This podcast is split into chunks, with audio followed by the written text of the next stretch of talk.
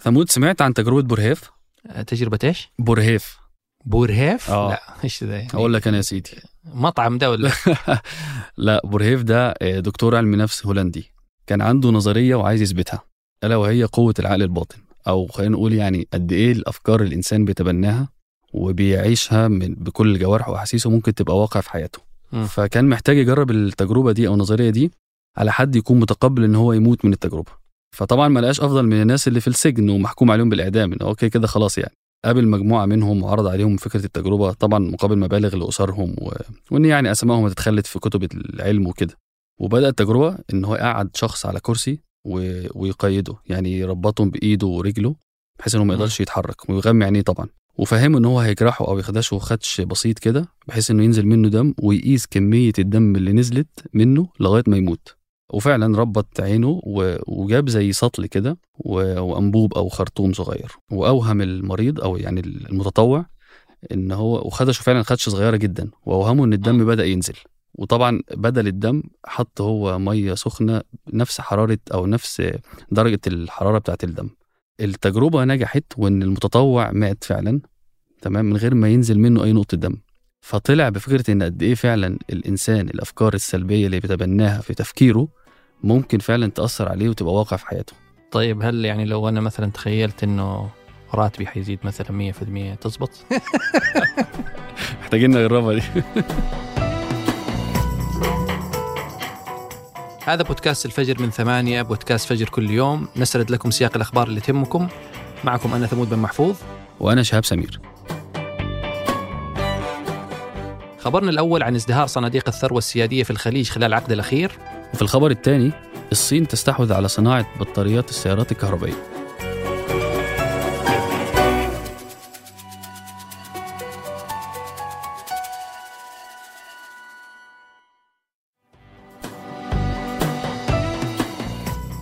في الأشهر الأخيرة من 2022 ولما كانت منطقة الخليج محط أنظار العالم بسبب استضافة الدوحة لكأس العالم كانت عواصم خليجية ثانية من بينها الرياض وأبو ظبي محطة رئيسية للشركات وأبرز المدراء التنفيذيين في العالم. ففي أكتوبر الماضي شهدت الرياض منتدى مبادرة مستقبل الاستثمار اللي يطلق عليه اسم دافوس في الصحراء. وهو المنتدى اللي شهد حضور أكثر من ألف مدير تنفيذي من دول العالم. وفي أبو ظبي توافد العشرات من رجال الأعمال والتنفيذيين قبل أسابيع لحضور المؤتمر المالي السنوي. هذه الزيارات وصفتها صحيفة فاينانشال تايمز بأنها إشارة قوية على الوفرة المالية اللي حققتها صناديق الثروة السيادية بدول الخليج خلال العقد الماضي. واللي بسببها صارت المنطقة من المناطق المهمة للمستثمرين حول العالم. فالصناديق السيادية الخليجية أصبحت تقود استحواذات استثمارية ضخمة وتوفر سيولة مالية كبيرة للمشاريع الجديدة. وهذا الشيء يتزامن مع ارتفاع أسعار النفط في آخر سنتين واللي يعتبر المصدر الرئيسي للإيرادات الحكومية بدول الخليج. وعموما هذا الصعود الخليجي اللي يثير اهتمام المستثمرين العالميين يقابل مخاوف من بطء ملحوظ في الاقتصاد العالمي. وهذه المفارقة الاقتصادية تدفع الشركات الكبيرة ورجال الأعمال في أوروبا وأمريكا أنهم يتجهون لصناديق الثروة السيادية بدول الخليج عشان يقدروا يوفروا السيولة المالية المطلوبة لمشاريعهم الجديدة. بس قبل لا ندخل في تفاصيل قصة اليوم خلونا نشرح لكم ماذا تعني الصناديق السيادية تعتبر صناديق الثروة السيادية صناديق استثمارية مملوكة للدول وتضم هذه الصناديق أصول حكومية وفوائض الميزانيات وتوجه الدول فوائض الاحتياطات للصناديق ومن ثم تستخدم هذه الأموال للاستثمار في مشاريع جديدة وأغلب دول الخليج استفادت من ارتفاع إيرادات النفط والغاز في تأسيس صناديق السيادية. وعموما كل صندوق سيادي له أهداف خاصة وله شروط استثمار ودرجات مخاطر متنوعة. وتعتبر الكويت من أوائل الدول اللي أسست صندوق سيادي اللي كان في 1953. رغم أن دول الخليج ما تكشف على الأرقام الحقيقية للصناديق السيادية، لكن بعض البيانات تشير إنه حجمها متفاوت. وبحسب بعض التقارير يتجاوز أصول الصناديق السيادية بدول الخليج الستة مجتمعة 2.5 تريليون دولار. ثلاثة أرباع هذه الأصول متوزعة بين جهاز الاستثمار في أبو ظبي وصندوق الاستثمارات العامة السعودي والهيئة العامة للاستثمار في الكويت فأصول جهاز أبو ظبي للاستثمار حجمه 708 مليار دولار وتنافس الكويت صندوق أبو ظبي في حجم الأصول. أما صندوق الاستثمارات العامة بالسعودية اللي تأسس سنة 1971 فتجاوزت قيمة أصوله 675 مليار دولار وهو يعتبر اليوم سادس أكبر صندوق سيادي في العالم. أما الصندوق السيادي القطري فقد وصلت قيمة أصوله ل 461 مليار دولار وحجم أصول جهاز الاستثمار في عمان وصلت إلى 40 مليار دولار. تسعى دول الخليج من خلال هذه الصناديق لتعزيز مكانتها بالاستثمار العالمي وعشان تنوع مصادر دخلها وإيراداتها وتحضر نفسها لمرحلة ما بعد النفط. وجه دول الخليج بعض استثماراتها للاقتصاد المحلي وكمان خصصت صناديق خاصة تسمى صناديق الأجيال هدفها أنها تستثمر في مشاريع البنية التحتية والمشروعات الوطنية. وإجمالا غيرت صناديق الثروة السيادية في المنطقة استراتيجيتها في آخر 15 سنة خصوصا بعد الأزمة المالية اللي حصلت في أمريكا في 2008 أو ما تعرف بأزمة الرهن العقاري. فالصناديق قبل هذه الأزمة حطت حجم كبير من استثماراتها في الأسهم وسندات الخزينة الأمريكية. لكن بعد 2008 قررت دول الخليج أنها تغير من استراتيجيتها. واتجهت لتنويع استثماراتها في أصول متنوعة بدول أخرى زي أوروبا وآسيا وأمريكا اللاتينية وأفريقيا وركزت على قطاعات في الصحة والعقار والبنية التحتية والمواصلات. أيضا في السنوات الأخيرة ركزت الصناديق الخليجية بشكل أكبر على الاستثمار في الشركات التقنية واستثمرت عشرات الشركات التقنية في وقت قصير. وهذا قطاع يشهد نمو استثماري عالي وحجم الاستثمار فيه وصل إلى 675 مليار دولار. مثلا صندوق الاستثمارات العامة في السعودية بدأ يهتم بشكل متزايد بالذكاء الاصطناعي والتقنيات المالية اللي تسمى فينتك وأيضا تقنية البلوكتشين بالإضافة لأنه اشترى حصة في شركة أوبر واستثمر في مجموعة سوفت بانك اليابانية لإطلاق صندوق رؤية سوفت بانك وهو أكبر صندوق تكنولوجي في العالم بالإضافة لاستثماره في شركة لوسيد للسيارات الكهربائية. ومع آخر سنتين استفادت دول الخليج من ارتفاع أسعار النفط وهذا الشيء خفف من الضغط على الصناديق السيادية. وعشان كذا عوامل ارتفاع النمو الاقتصادي بدول الخليج من بعد الجائحة وتضاعف العوائد المالية من الصناديق السيادية في السنوات الأخيرة ساعدها في تحقيق وفرة مالية ضخمة. وهذه العوامل تخلي منطقة الخليج اليوم مركز اهتمام للشركات الكبيرة والواعدة في الوقت اللي يقترب فيه ثلث الاقتصاد العالمي من ركود جديد يوصف بأنه الأسوأ من 2022 في الوقت اللي بيشهد فيه العالم نقلة كبيرة في قطاع صناعة السيارات الكهربائية بيرتفع الطلب على البطاريات في أسواق السيارات في العالم بشكل كبير وبتشير التوقعات أن الطلب على قطاع السيارات الكهربائية هينمو بنسبة 30% سنويا بحلول 2030 لكن مصنعي السيارات في العالم بيواجهوا تحدي كبير في الوقت الحالي وبيتمثل التحدي في تلبية احتياج الصناعة دي من البطاريات. رغم إن بعض الشركات بتبني مصانعها الخاصة وتصنع البطاريات بنفسها بتعتمد بقية شركات تصنيع السيارات الكهربائية على استيراد البطاريات دي وده اللي بيخلي السوق يزدهر وينمو بشكل كبير. وعشان كده بتتنافس الدول والشركات على أفضل طرق إنتاج البطاريات. ومش بس كده دول أيضا بيتنافسوا على المزايا اللي من بينها الأفضلية في السعر. ولما نيجي نتكلم عن قطاع تصنيع البطاريات الكهربائية هنلاقي إن الصين بتتصدر دول العالم في الصناعة دي واللي بتعتمد بشكل أساسي على معدن الليثيوم كونها من الدول المهيمنة على هذا المعدن اللي بيعتبر أهم معدن في صناعة البطاريات الكهربائية. وبتشهد صناعة بطاريات أيونات الليثيوم في الصين نمو مستمر في السنوات الأخيرة.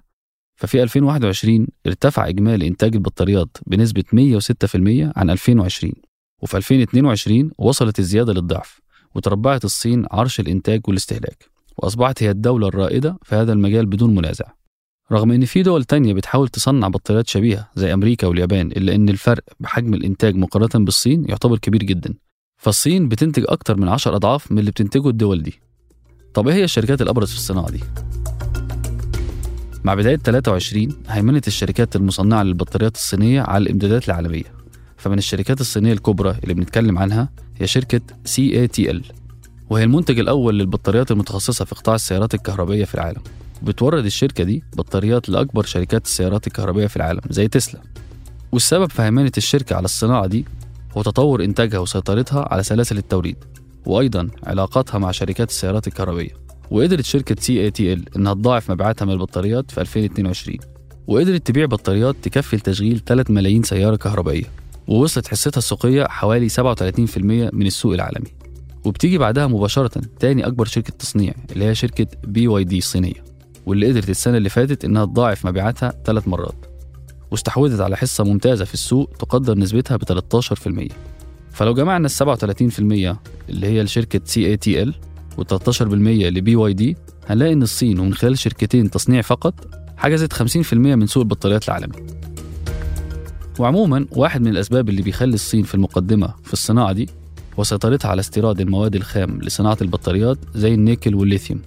وده اللي بيخلي شركات السيارات الأمريكية والأوروبية تعتمد على البطاريات الصينية. فالصين بتهيمن على قطاع التعدين وتكرير المواد الخام الخاصة بهذه الصناعة. ف70% من المناجم في جمهورية الكونغو الديمقراطية هي استثمار للصين أصلا. وبتحاول شركات ناشئة أمريكية وأوروبية إنها تنافس الصين عشان تكسر الاحتكار الصيني. وعشان تعمل كده لجأت لتطوير بطاريات جديدة للسيارات الكهربائية باستخدام مواد بديلة زي الصوديوم والكبريت. رغم إن الشركات دي حصلت استثمارات بملايين الدولارات تضاف إليها منح حكومية إن مهمتها صعبة وممكن تاخد سنين عشان تقدر تنتج البطارية البديلة.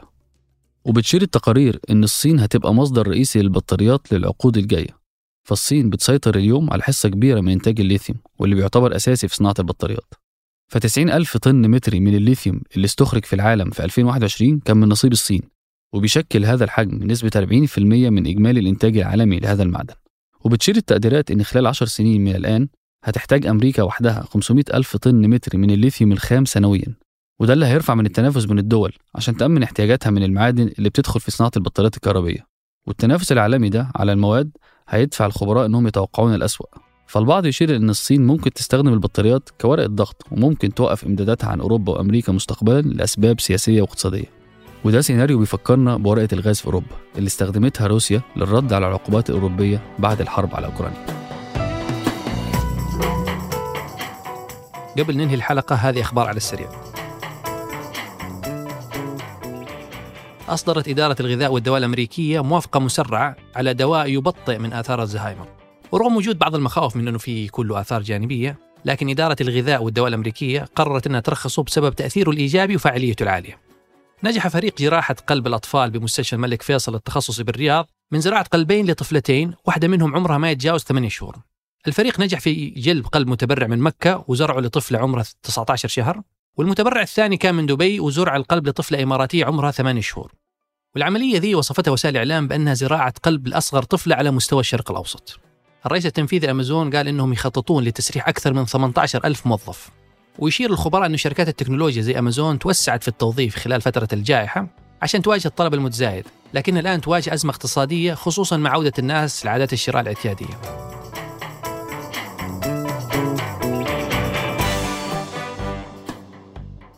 أنتج هذه الحلقة تركي البلوشي ولما رواح وعبد العزيز الحبيل وقدمتها أنا شهاب سمير وأنا ثمود بن محفوظ.